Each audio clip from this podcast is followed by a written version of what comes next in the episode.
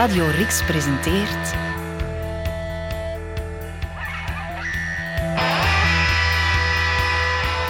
De man die zijn snor in brand stak. Het leven en de taalmuziek van de eenzame chroniqueur van Antwerpen, J.M.H. Bergmans. Aflevering 2, Hoogzomer 1985.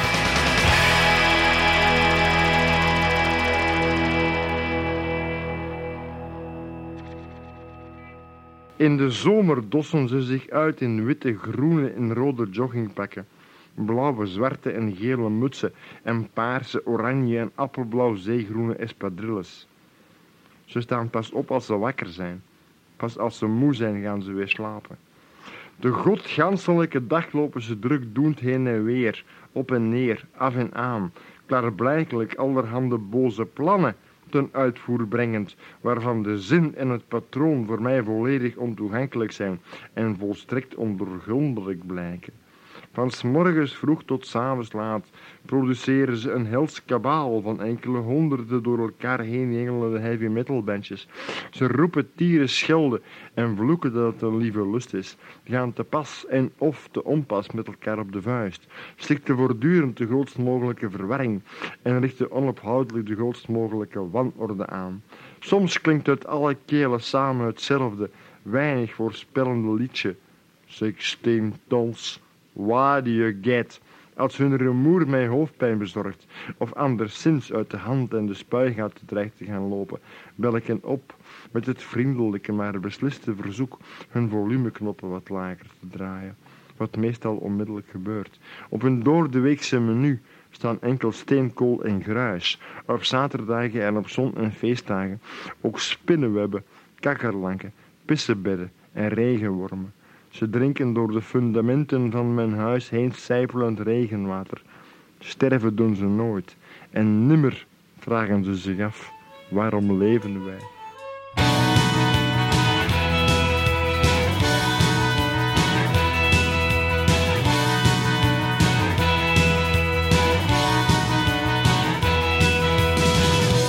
heat and dust, a shout above the din,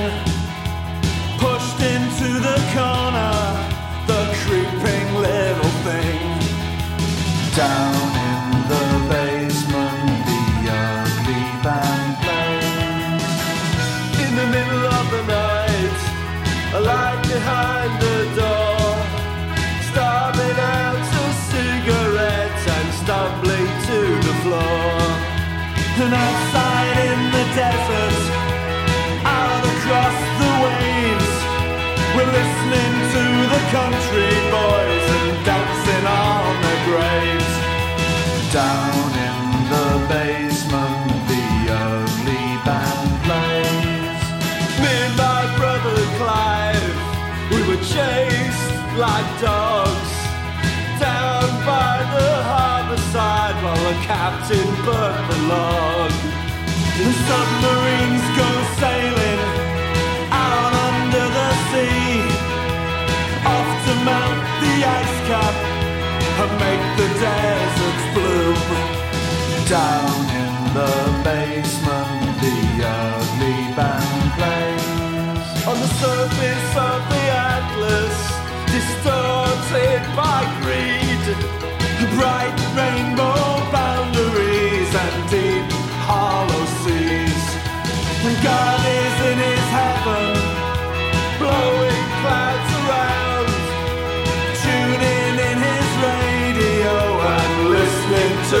to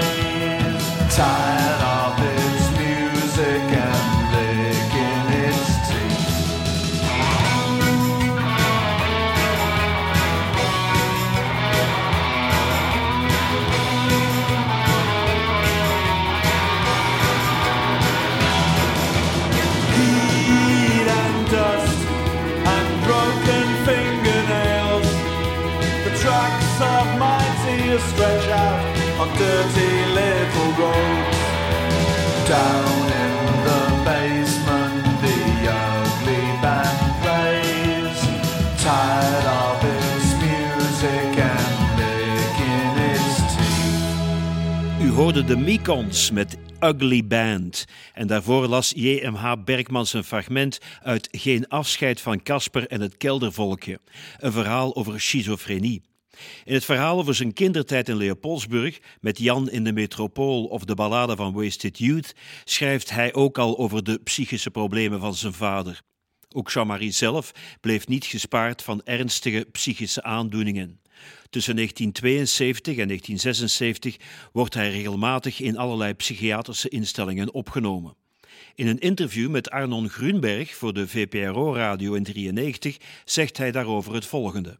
Ja, als je vijf jaar eigenlijk levensgevaarlijk ziek bent, dan, dan, dan, ga je, dan, dan, dan kom je daar niet uit als een vrolijke persoon. Dan, dan, dan, dat kleurt je kijk op het bestaan natuurlijk heel erg. Het was ook de meest verwoestende belevenis die ik ooit heb meegemaakt. In 1976 stuurt Jean-Marie's goede vriend Frans Roggen, alias Holger, het manuscript van Geschiedenis van de Revolutie naar Walter Soethout, een kleinschalige tegendraadse uitgever.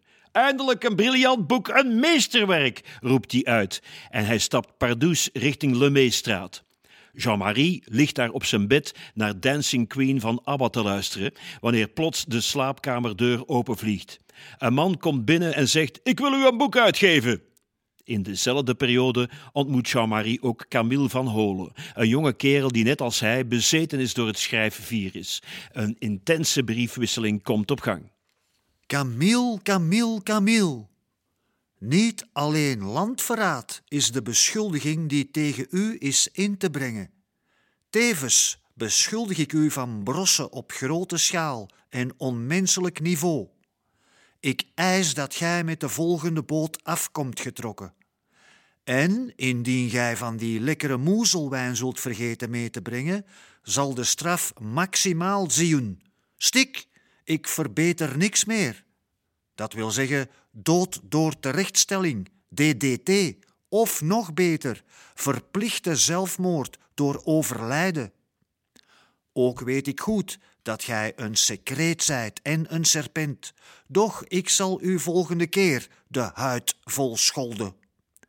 Als gij belt en het is een zagerige stem, dan is het mijn moeder, en dan moet gij alles negen keer zeggen. Als gij moest gehoest en gebries horen, alternerend met gepuf en genies, dan is het mijn vader, en dan moet gij alles zeventien keer zeggen. Als gij niks mocht horen, moet jij natuurlijk ook niets zeggen, tenzij gij aan alternatieve communicatie wilt gaan doen of het zotteke uithangen. Vaya con Dios, ciao, bye for now, Jean-Marie. Camille is erbij wanneer in april 1977 in de Pink Poets Club in Antwerpen Jean-Marie's debuutroman Geschiedenis van de Revolutie wordt voorgesteld. Het boek spat van de pure punk-energie en kent een voor Vlaanderen ongeziene baldadigheid. De verteller mept zonder gewetensvroeging zijn ouders dood en gijzelt zijn onwelriekende grootmoeder op de wc-pot. Jean-Marie's verwachtingen zijn hoog gespannen. De oersaaie inleiding, door een of andere dichter die vooral zichzelf belangrijk vindt, lokt bij het publiek boegeroep uit. De sfeer zit onmiddellijk onder nul. Jean-Marie weigert uit zijn debuut voor te lezen. Geschiedenis van de Revolutie, het allereerste rock-and-roll-boek in Vlaanderen, wordt amper door de pers opgemerkt. De chaotische periode van begin jaren 70 in de Antwerpse Lemeestraat krijgt vorm in het verhaal Een beetje voorbij het huis van Elschot.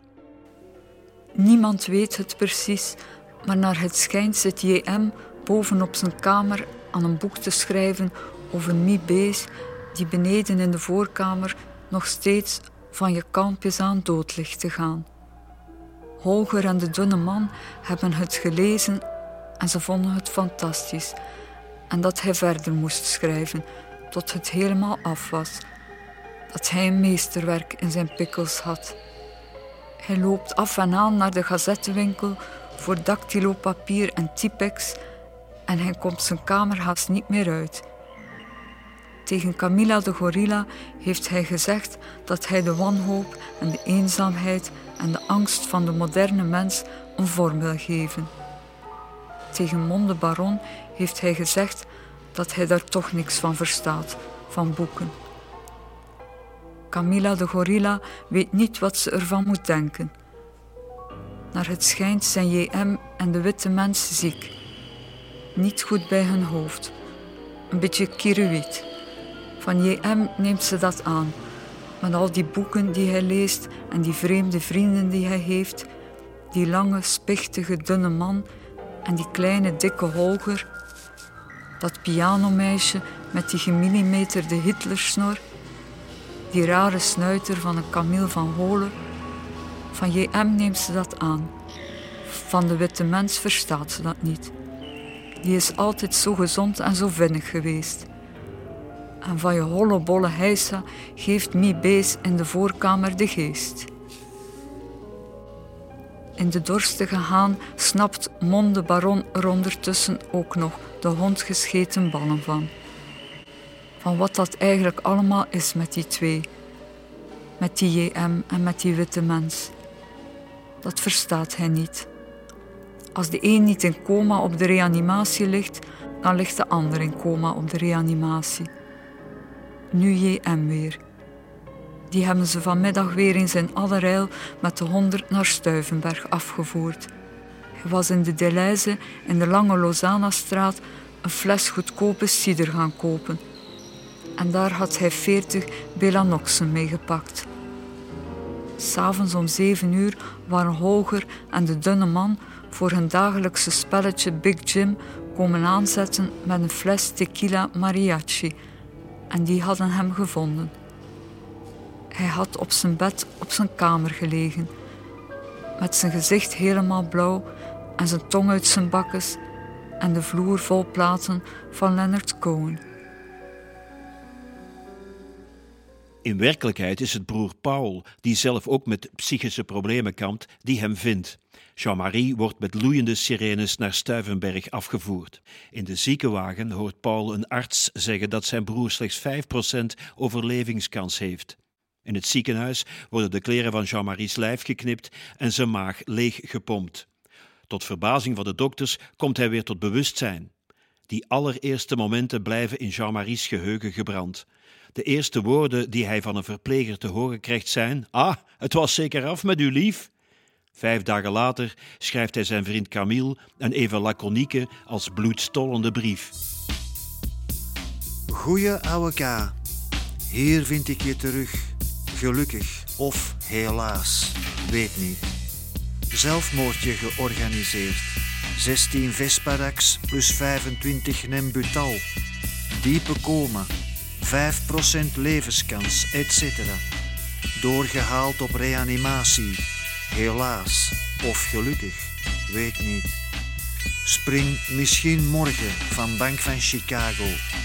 Helaas of gelukkig, weet niet, weet niet, weet niet, weet niet, weet, weet, we, we. Tot zo, gelullig of gelukkig, weet niet. God nog pelvis tegengekomen daar ginds. JM, Till Victory, Patti Smith, gelukkig. In september 1978, een half jaar na zijn zelfmoordpoging, leert Jean-Marie Lut van Dijk kennen, de ex-vriendin van Camille van Holen. En in de tweede helft van oktober inviteert Jean-Marie Lut om in de cartoons te gaan kijken naar een verfilming van Wuthering Heights. Maar Lut daagt niet alleen op, ze wordt vergezeld door Camille. Die was onverwacht bij Lut komen aanbellen, wellicht in de hoop om de brokken met zijn ex-vriendin te lijmen. Jean-Marie onthaalt zijn schrijfbroeder ijskoud. Wanneer na de film de lichten in de zaal aanvloepen, vragen de mannen Lut om op straat te wachten. Jean-Marie komt alleen naar buiten. Hij heeft net met Camille een weinig kameraadschappelijk gesprek gevoerd. De mannen zullen elkaar pas eind 86, acht jaar later terugzien. Na de vertoning in de cartoons slaat de vonk over op Lut. Jean-Marie is dolgelukkig. Lieve Lut, dit lijkt op de mooiste dag van mijn leven. Plus de question de réfléchir, jouez-moi la marche en avant.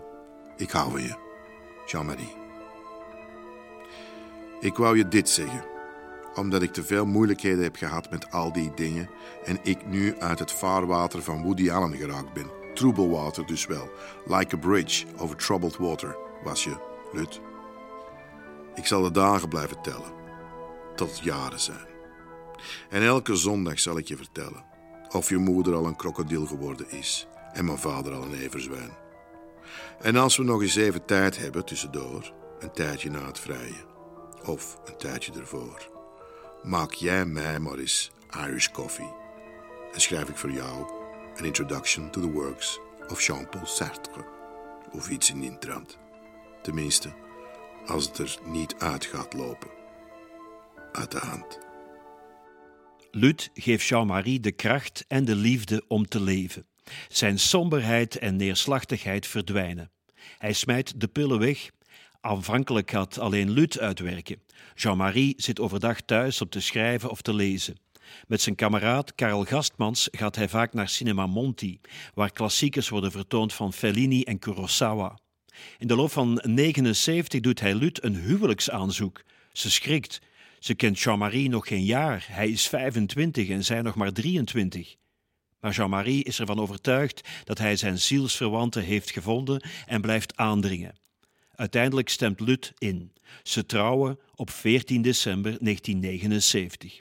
Jean-Marie gaat solliciteren en vindt werk in Merksem bij schoenhandel Sandra Shoe van Torfs. Dan ben ik gaan werken uiteindelijk. Dan ben ik terechtgekomen per toeval op een kantoor dat schoenen makelde. Een makelaar in schoenen ben ik terechtgekomen. Daar heb ik een half jaar op kantoor gezeten, moest ik brieven tikken en zo, en facturen maken en zo, en telexen sturen en telefoons beantwoorden. Ik vond het ongelooflijk vervelend. En dan heeft die man uh, van dat kantoor na een half jaar tegen mij gezegd, ik zei tegen hem, ja, ik ga hier weg. Uh, ik ga weg, ik ga ergens anders werk zoeken. En dan heeft die man gezegd, ja, doe mij maar een voorstel. En dan heb ik gezegd, ja, ik wil naar het zuiden van Italië gaan. Wat toen de belangrijkste regio was van de hele wereld wat betreft de fabricatie van goedkoop schooisel. En dat was een onontgonnen gebied toen. Dat was echt een woestenij, hoor, waar ik naartoe getrokken ben. Het achterlijkste zuiden, daar ben ik naartoe gegaan met mijn vrouw. Hè. En daar ben ik dan zes jaar gebleven en heb ik miljoenen en miljoenen paren schoenen verkocht. Hè. Januari 1981. Jean-Marie en Lut vestigen zich in Bari, Italië. Hij verslindt de Italiaanse kranten, koopt honderden boeken en stort zich op de Italiaanse literatuur. Jean-Marie en Lut hebben de tijd van hun leven. Ze gaan regelmatig naar de opera van Bari. Dat is een revelatie. Om hen heen veren uitbundige Italianen recht en zingen luidkeels mee met de artiesten op het podium. Een volksfeest.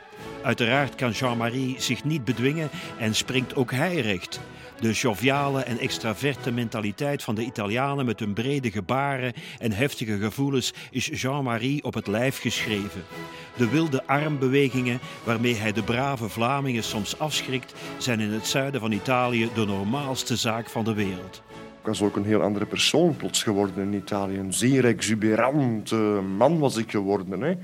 Echt Italiaans helemaal. Hè. Heel exuberant, heel vrolijk. Altijd grappen maken, altijd, uh, altijd plezier maken. Chique hotels, dure restaurants, uh, al wat je wil. Een mooie vakantie, grote, grote auto. Jean-Marie ontpopt zich tot een sleutelfiguur in het economische weefsel van Barletta.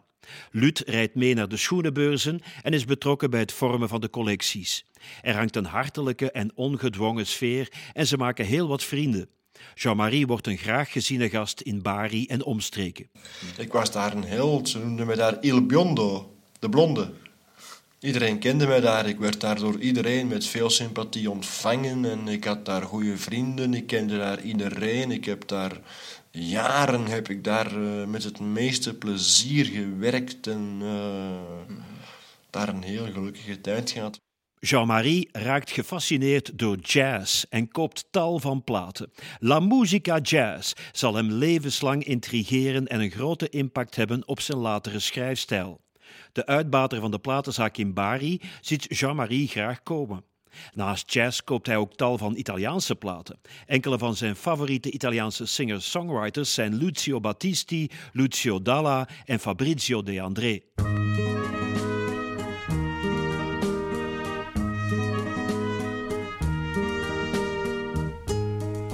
Giorni perduti a rincorrere il vento, a chiederci un bacio e volerne altri cento.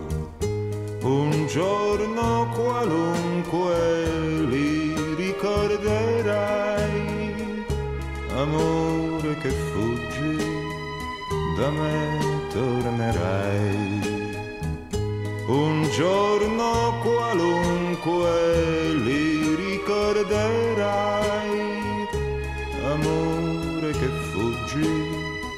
da me tornerai.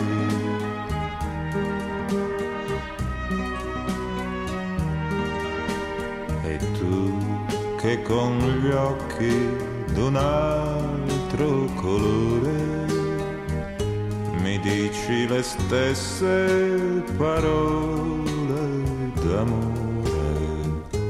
Fra un mese, fra un anno, scordate le avrai, amore che vieni, da me fuggirai. Fra un mese, fra un anno, scordate le avrai, amore che vieni, da me fuggirai.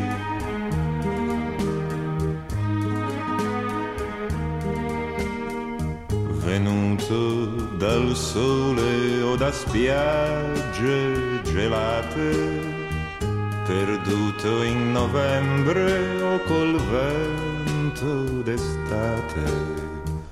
Io t'ho amato sempre, non t'ho amato mai. Amore che vieni, amore che vai. Io t'ho amato sempre, non t'ho amato mai. Amore che vieni, amore che vai.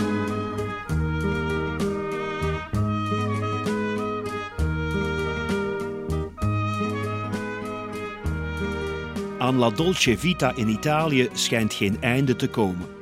Jean-Marie is getrouwd met een mooie, intelligente vrouw en hij heeft zich tot een succesvol zakenman in de Italiaanse schoenwereld ontpopt. Ze wonen in een chique villa, maar schrijven, daar is hij niet meer mee bezig. Hij is gelukkig. In het later geschreven verhaal Ray en Cecilia, hoogzomer 1985, blikt Jean-Marie terug op deze periode. In een stralende, bezopen hoogzomernacht van het jaar 1985, terwijl de honden slapen en de krekels als bij toverslag zijn gaan zwijgen, stellen Ray en Cecilia op het bordes van hun villa hun top 5 aller tijden samen. Ze drinken uitbundig witte wijn, kraken er verse amandelen bij, eten er hels gepeperde taralini bij. Ze lachen er uren om, praten er uren over, draaien honderden liedjes uit hun jongere jaren. Ze maken er een feestje van, dansen en flirten zelfs met elkaar in de witte living van de witte villa, hun schaduwen wild rondhuppelend over de kale muren.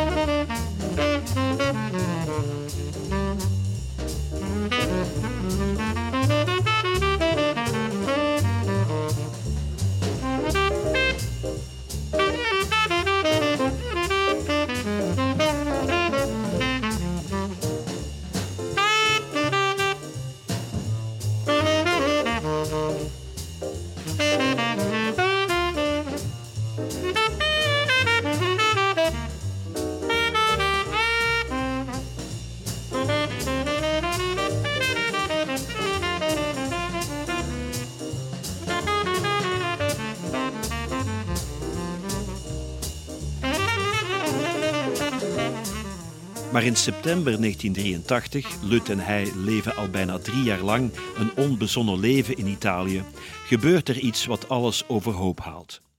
In België richten een aantal jonge hemelbestormers het tijdschrift De Brakke Hond op. Een van hen is Jean-Marie's jeugdvriend Frans Rogge. Jean-Marie wordt gevraagd om uit Italië over te komen. Hij moet een aantal van zijn vroegere teksten komen voorlezen om het tijdschrift te lanceren. De eerste twee nummers bevatten meteen een verhaal van hem. Jean-Marie wordt opgemerkt tot in Nederland toe. Het onverhoopte succes als schrijver doet hem weer achter zijn schrijfmachine kruipen. De ontspannen Jean-Marie van de afgelopen jaren verdwijnt. Hij raakt snel geïrriteerd en meer en meer op zichzelf gericht. En hij wordt ook nog eens verliefd op zijn jonge zakenpartner Rosie.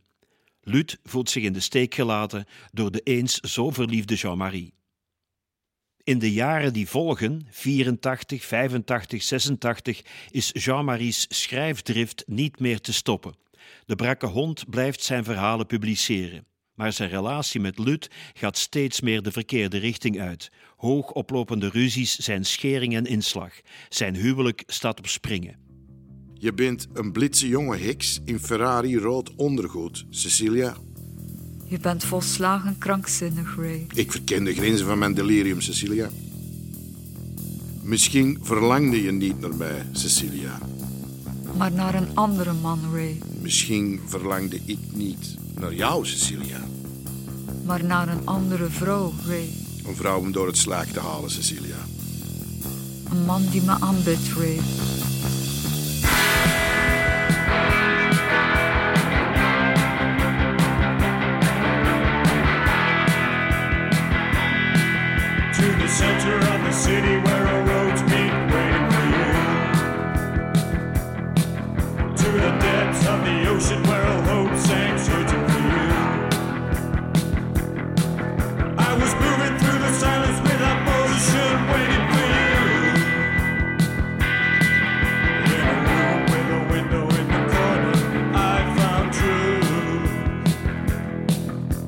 Zie je de zon uit de zee optriomferen, Cecilia? Wat zeg je dat mooi, Ray? Het belooft een heerlijk stralende dag te worden, Cecilia. Niet voor mij, Ray.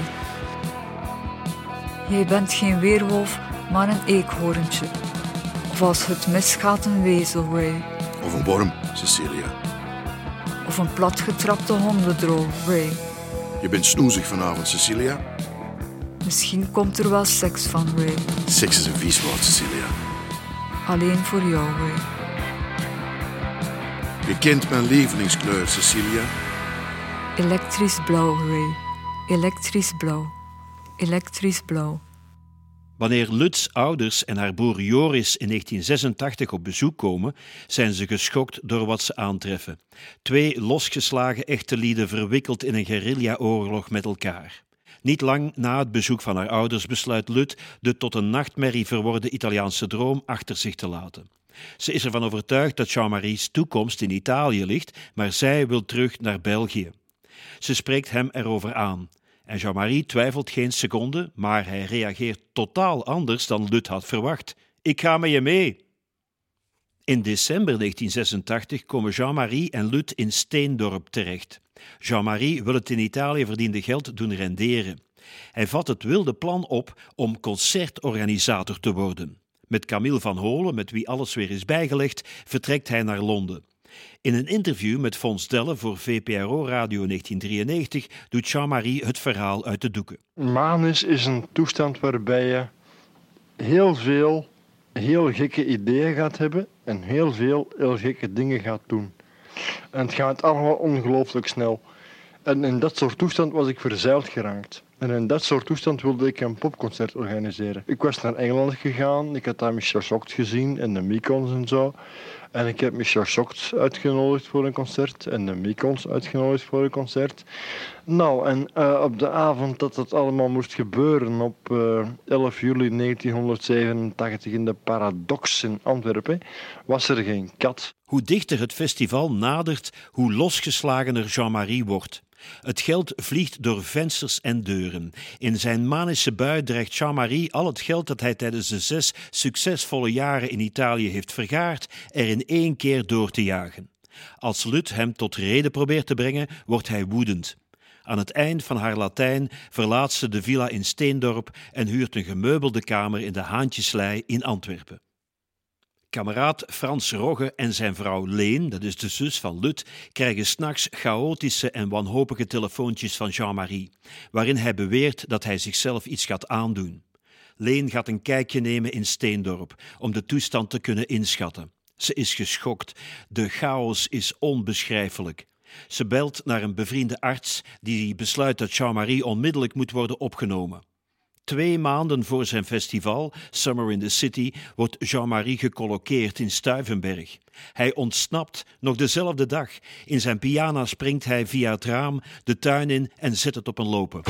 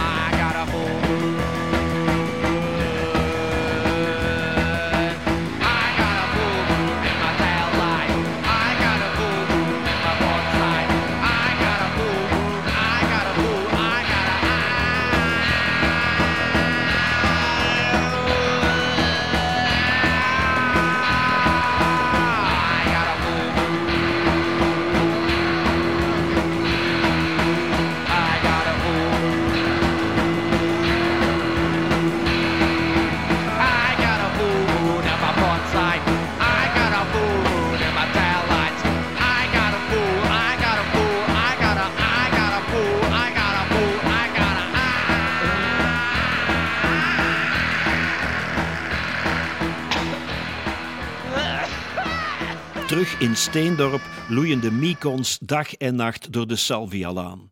Op 28 juni wordt Jean-Marie's wagen met Italiaanse nummerplaat gecontroleerd. De politie onderzoekt een circuit van in Italië gestolen wagens, maar ze komen erachter dat Jean-Marie uit de psychiatrie is ontsnapt.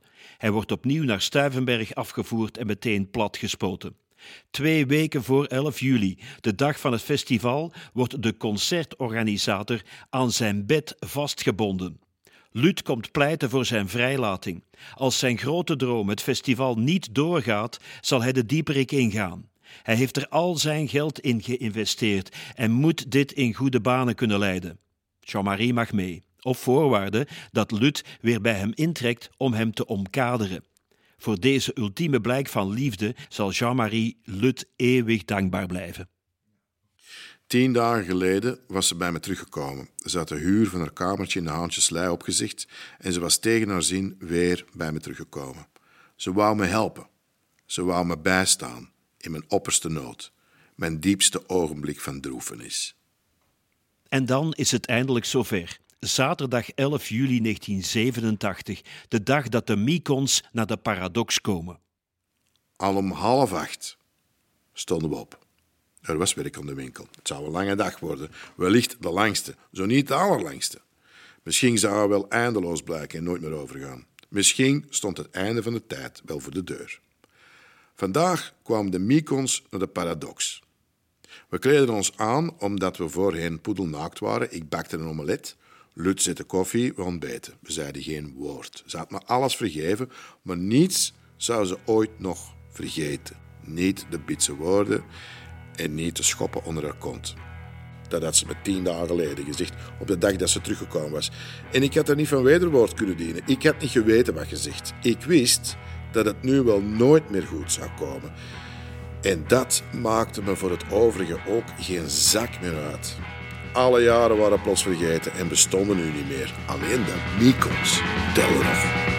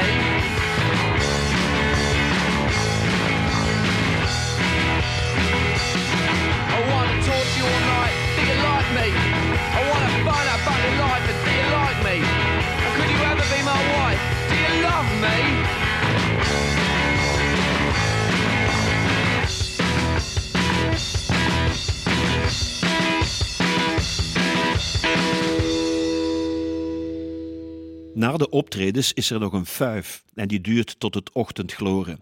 Jean-Marie is nergens te bespeuren. De euforie om het fantastische optreden van de Micons is omgeslagen in vertwijfeling. Zelfs Lut weet niet waar hij zich bevindt. Wanneer hij uiteindelijk weer thuis komt, is hij volledig uitgeput. Hij wil maar één ding: met rust gelaten worden. Jean-Marie is bankroet. Hij heeft zijn huwelijk voor de tweede keer tot het breekpunt gebracht. Ik ben daarna, toen ik eh, alweer eh, 34 was, ben ik nog eens een jaar ziek geweest. Alweer manisch depressief. En dat heeft mij totaal verwoest. Dat heeft ook, dat heeft ook mijn huwelijk verwoest, die tweede keer dat ik ziek was. Hè. In 1987 was dat. Ik ben in 1987 uh, eerst een half jaar manisch geweest en daarna ben ik een jaar depressief geweest. Zeer zwaar depressief trouwens. Dat ik alleen nog maar in een hoekje, daar in dat hoekje van de kamer bij de radiator kon zitten om mij tegen de warmte van die radiator aan te schurken. Wat de enige warmte was die er nog in mijn bestaan was. De warmte van de radiator. Daar zat ik ganse dagen tegenaan gehurkt in een hoekje van de kamer. Zwaar depressief. En daar, daar, gaat, ja, daar is mijn huwelijk aan kapot gegaan natuurlijk. Daar gaat je huwelijk aan kapot aan zoiets. Hè. Dat kan geen enkele vrouw verwerken. Geen enkele vrouw kan een manisch-depressieve man verwerken. Dat gaat niet hoor. Om financiële redenen verhuizen Jean-Marie en Lut eind 87 naar een appartement in de Antwerpse Schuldstraat, vlakbij Café de Raaf en vlakbij zijn ouderlijk huis in de Lemeestraat. Tot halverwege 88 doet hij niet veel anders dan in de zetel hangen. Dan stort hij zich met hart en ziel op het schrijven. Deze keer is het menens. Hij heeft nog maar één ambitie: schrijven tot hij erbij neervalt. Hij wil de allerbeste zijn. 17 december. De woorden kruipen over het papier als een kolonne rode mieren over een platte steen. Ze gehoorzamen aan hun botte aangeboren drang om te marcheren. Ze weten niet waarheen en ze weten niet waarom. Ze marcheren maar. Ze zeggen niets. Ze zingen niet. Ze zwijgen. Ze lopen stokstijf in het gelid en perfect in de maat. Ze heffen hun koppen en staren je verbijsterd aan. Ze weten niet wat ze betekenen en jij weet het evenmin. Ze zijn naakt. Ze hebben het koud. Ze huiveren. Je maakt een vuurtje aan met het papier en de woorden schurken zich in de omkrullende hoeken. Ze krijgen het warm. Ze fleuren op. Er komt een rode blos op hun wangen. Je ziet ze dansen. Je hoort ze lachen en joelen. Ze lachen je uit. Ze steken de draak met je. Ze maken zich vrolijk over je terwijl ze sterven. Eén voor één gaan ze op in de vlammen. Ze liggen verkoold op de bodem van de asbak. Je staat op en je kiepert ze in de vuilnisbak. Daar blijven ze liggen tussen aardappelschillen en peuken en koffiedik en inpakpapier. Dan zet je ze op de stoep. Dan komt de stedelijke vuilnisdienst ze ophalen. Daar betaal je per slot van rekening stadsbelasting voor. Om die vieze woordenbrei op te ruimen. Eens en voor altijd. Weg ermee. Jean-Marie zet het ene verhaal na het andere op papier. S'nachts beluistert hij tientallen LP's en meer dan eens speelt hij de hele nacht door hetzelfde nummer. Een van die nummers is White Rabbit van Jefferson Airplane. Remember what the Dormouse said, zingt zangeres Grace Slick aan het eind van dat nummer. Vergeet niet wat de Zevenslaper zei. De titel van zijn spraakmakende tweede debuut is geboren. Financieel staan Lut en Jean-Marie er sinds het fiasco van het festival heel slecht voor. De schulden stapelen zich op. Begin 89 vindt hij een baantje als taxichauffeur. Niet veel later wordt hij uitgenodigd door Rudy van Schoonbeek van de nieuwe uitgeverij Dedalus. Ze spreken af tijdens de taxipauze van Jean-Marie in een Antwerps café. Van opwinding vergeet Jean-Marie tijdens het gesprek zelfs zijn petje van Antwerp Taxi af te zetten. Het klikt tussen de mannen. Van Schoonbeek beseft direct dat hij te maken heeft met een groot en authentiek talent en laat weten dat Dedalus Bergmans verhalen wil publiceren. De volgende dag gooit Jean-Marie het petje van Antwerp Taxi over de Haag en begint nog meer als een bezetene te schrijven, dikwijls in een roes van meer dan twaalf uur per dag. Zijn worsteling met isolement, het leven en relaties staat centraal in die verhalen. En ook Café de Raaf, dat een toevluchtsoord wordt. Jean-Marie leeft alleen nog maar voor zijn schrijverij. Lut lijkt niet meer te bestaan. Ze voelt zich meer en meer verstikt. Weet je wat het is om te leven zonder tederheid, om niet geknuffeld te worden? Zegt u in het parool. Wat is dat? God, dat is, dat is ontzettend, ontzettend, ontzettend moeilijk. Het leven alleen is, is ontzettend moeilijk. Ik weet ook niet goed of er voor mij wel een ander leven is weggelegd hoor, dan, uh, dan een leven alleen. Ik weet, ik weet hoe moeilijk mijn vrouw het met mij heeft gehad. En ik weet ook van andere schrijvers en ik weet ook van, van vrouwen van andere schrijvers dat het heel moeilijk is om met, schrijven, met schrijvers samen te leven. Omdat schrijvers uiteindelijk heel weinig aandacht hebben voor, voor, voor, voor, voor wat dan ook, behalve datgene waar ze, waar ze aan bezig zijn. Schrijven, ik bedoel, het enige waar ik mee bezig ben, 24 uur of 24, is mijn schrijverschap en mijn schrijverij en wat ik aan het schrijven ben. En ik weet niet of ik, of ik voor een vrouw, ik zou heel graag opnieuw een vrouw hebben, maar ik weet niet of ik voor een vrouw wil de nodige aandacht kan opbrengen en zo. Ik weet dat niet. Maar het is in alle geval wel heel moeilijk om alleen te leven. Ja. Je, moet, je, moet, je moet dat heel goed organiseren, ook alleen leven. Hè. Je, moet, je moet zorgen dat je je sociale contacten een beetje organiseert en zo. En dat je, wat, uh, dat je geregeld een praatje kan maken en zo. En, en ja, je moet zien dat als je alleen leeft, moet je zien dat je aan de nodige dosis communicatie komt. Hè. Anders ga je helemaal vereenzamen. Hè. Na zijn periode als taxichauffeur vindt Jean-Marie werk bij Veritas, een gerenommeerde boekenwinkel in de Antwerpse Huidevetterstraat. Zijn collega's geloven geen snars van zijn straffe verhalen over Italië en doen lacherig als hij vertelt dat hij een schrijver is. Ze zien in hem een fantast. Maar op 7 oktober 1989 verschijnt Vergeet niet wat de zevenslaper zei. De critici zijn laaiend enthousiast over J.M.H. Berkmans. De debutant van het seizoen, zegt De Morgen. Een literair meesterwerkje in de Rode Vaan. Exploderend taalgebruik, standaard der letteren. De literaire revelatie van dit najaar in het nieuwsblad. En een elektriserende stijl die uniek is in de Nederlandstalige letteren. Knak. Ach wat. Niets maakt het me uit. Zolang ik maar kan schrijven. Maar dat begrijp jij niet. Jij weet niet wat schrijven is. Jij weet niet dat je moet schrijven en schrappen en schikken en schaven en veilen en fineren en politoeren tot je half krankzinnig wordt. Dat weet jij niet. Dat je aan elk woord honderdduizend keer moet prutsen en frutselen voor het uiteindelijk op zijn plaats staat. Dat je alles wat je schrijft honderdduizend keer herleest en dat je er dan nog aan twijfelt of het wel goed is. Jean-Marie gaat nog obsessiever schrijven, ook tijdens de werkuren bij boekhandel Veritas. De collega's bekijken hem met een scheef oog. Wanneer de zaakvoerder van de boekhandel duidelijk maakt dat schrijven niet tot het takenpakket van een assistent boekhandelaar behoort, roept Jean-Marie uit: Als het zo zit, ben ik weg. Het is de laatste betrekking die hij in zijn leven zal uitoefenen. Ondertussen is de spanning met Lut tot een hoogtepunt gegroeid. Ze is totaal vereenzaamd en voelt zich niet langer thuis bij die man die dag in dag uit op zijn schrijfmachine zit te rammen. Hun appartement voelt als een verstikkende gaskamer. In zijn nieuwe bundel Café de Raaf nog steeds gesloten uit 1990 verschijnt het verhaal Als Carla zwijgt, een genadeloze beschrijving van de spanning tussen Lut en hemzelf. You load 16 tons, and what do you get? You get another day older and deeper in debt. St. Peter, don't you call me, cause I can't go. I owe my soul to the company store.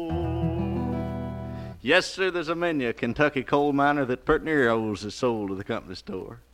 He gets so far in debt to the coal company he's a working for that he goes on sometimes for years without being paid one red cent in real honest to goodness money. But he can always go to the company store and draw flickers or scrip. You know, that's little brass coins that you can't spend nowhere only at the company store. So they add that against his account, and every day he gets a little farther in debt. that Sounds pretty bad, but even that's got a brighter side to it. Now, some people say a man's made out of mud, but a poor man's made out of muscle and blood. A muscle and blood, skin and bones, a mind that's weak and a back that's strong. You load 16 tons, and what do you get? Another day older and deeper in debt. St. Peter, don't you call me, cause I can't go. I owe my soul to the company store.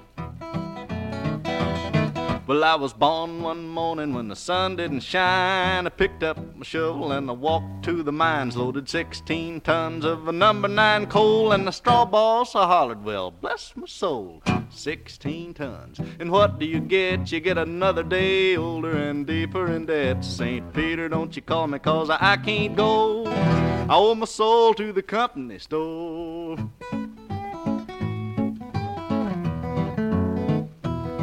Well, I was born one morning, it was drizzling rain. Fighting and trouble is my middle name. I was raised in the bottoms by mama hound. I'm mean as a dog, but I'm as gentle as a lamb. I load 16 tons. And what do you get? You get another day older and deeper in debt. St. Peter, don't you call me, cause I can't go. I owe my soul to the company store.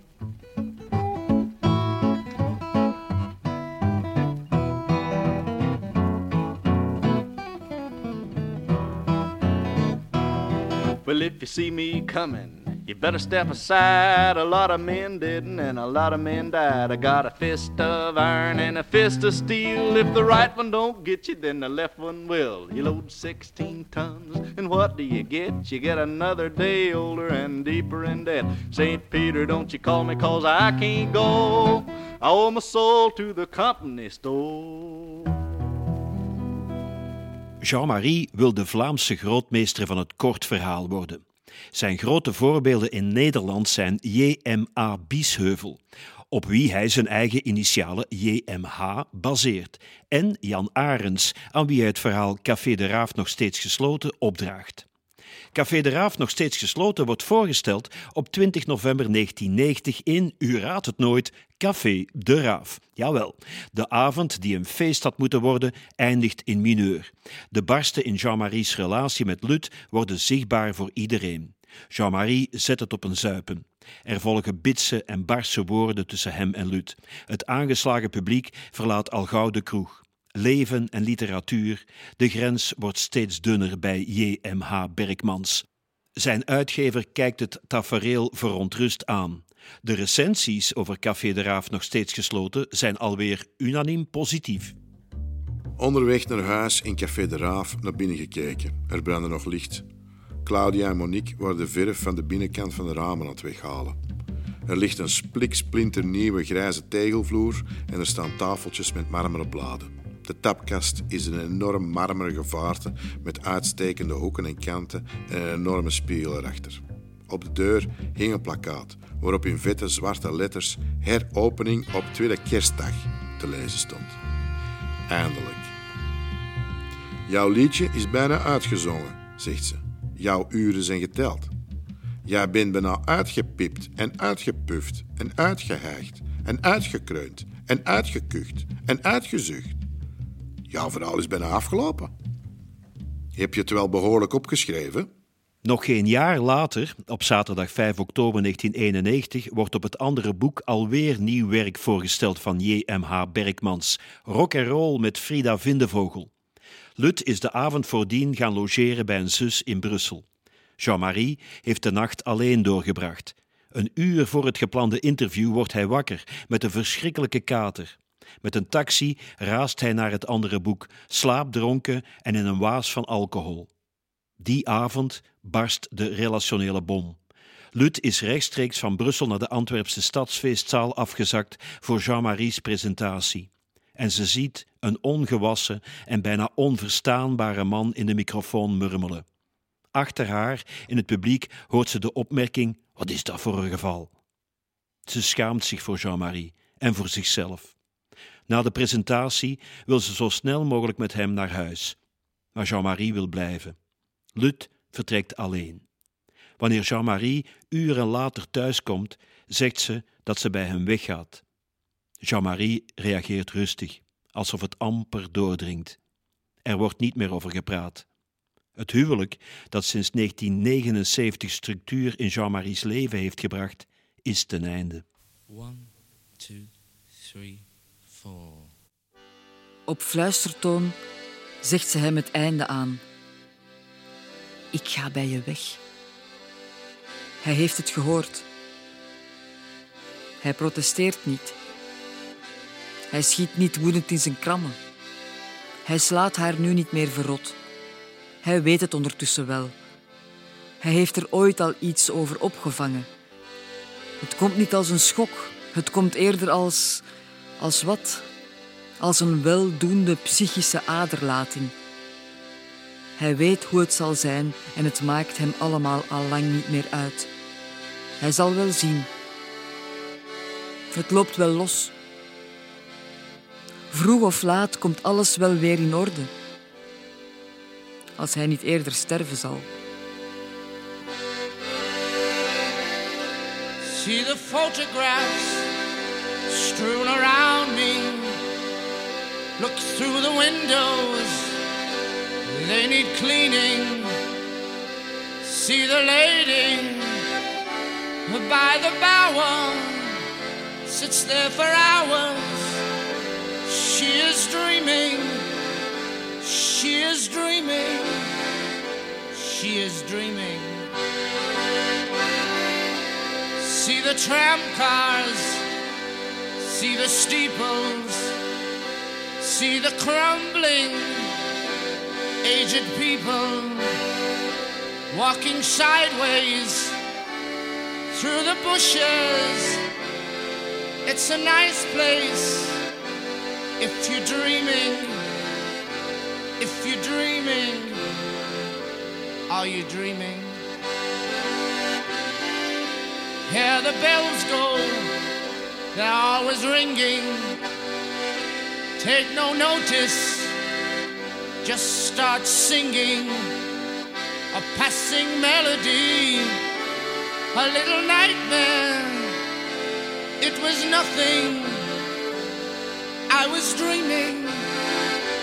I was dreaming. Truly dreaming.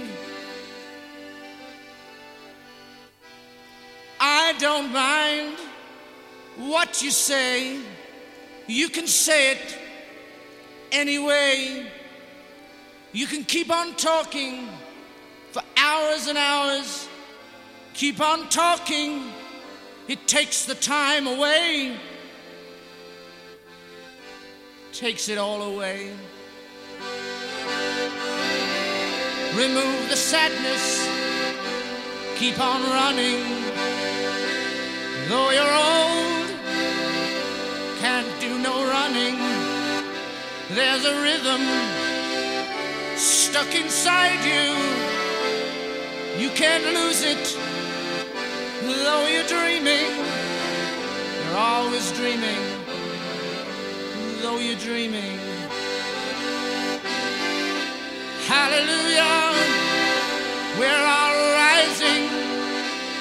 running to the fields. It's not surprising.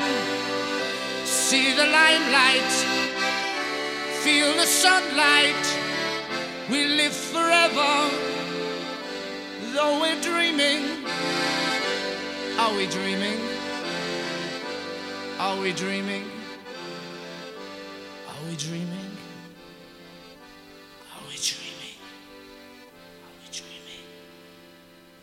Ja, het was ook zo. Ik bedoel, na die manische depressie van 1987 is het eigenlijk nooit meer goed gekomen. En dan ben ik gaan leven in de gaskamer van een terminaal huwelijk. Dat was een, een ongelooflijk verstikkende ervaring. Het was een ongelooflijke bevrijding eigenlijk. Het was verschrikkelijk droevig natuurlijk ook. Maar het was tegelijkertijd een ongelooflijke bevrijding toen mijn vrouw bij mij wegging, hoor. Lut heeft Jean-Marie nog maar pas verlaten of de eerste negatieve recensies over rock'n'roll met Frida Vindevogel sijpelen binnen. De kritiek gaat vooral uit naar het raamverhaal over Gerrit Matthijs. Gazet van Antwerpen heeft het over een verstoorde samenhang en een poging tot roman. De kop in de morgen is nog pijnlijker. Een saaie boel de waanzin. Er zijn ook enkele positieve recensies, maar de unanieme loftrompetten blijven achterwege. Vandaag evenwel wordt rock en roll met Frida Vindevogel als een van zijn klassiekers beschouwd. Vintage J.M.H. Berkmans. Want als de taal poedelnaakt is en afgekluifd en ontvleest tot op het bot, dan zindert en zingt de taal, haar oratorium voor knetterende schedels, haar heidense litanie, haar extatische hooglied. En hier en nu heb ik zelfs een verhaaltje geschreven. De opstanding van Gerrit Matthijs. In het hele heelal werden alle lichten tegelijkertijd aangeknipt.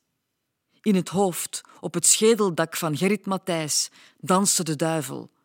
Hij marcheerde, het hoofd geheven, de gestrekte armen zwengelend langs zijn zijde, oorlijk op voor de rechters van de Heer, omwoeld door honderdduizend horden, opgestaan uit de neergeslagenheid en armoede, honger en dorst, sores en pis. Miljoenen krioelden door elkaar heen rond Gerrit Matthijs en op aller lippen las hij die ene kreet. Le Québec, libre! Gerrit Matthijs wist niet wat er gebeurde.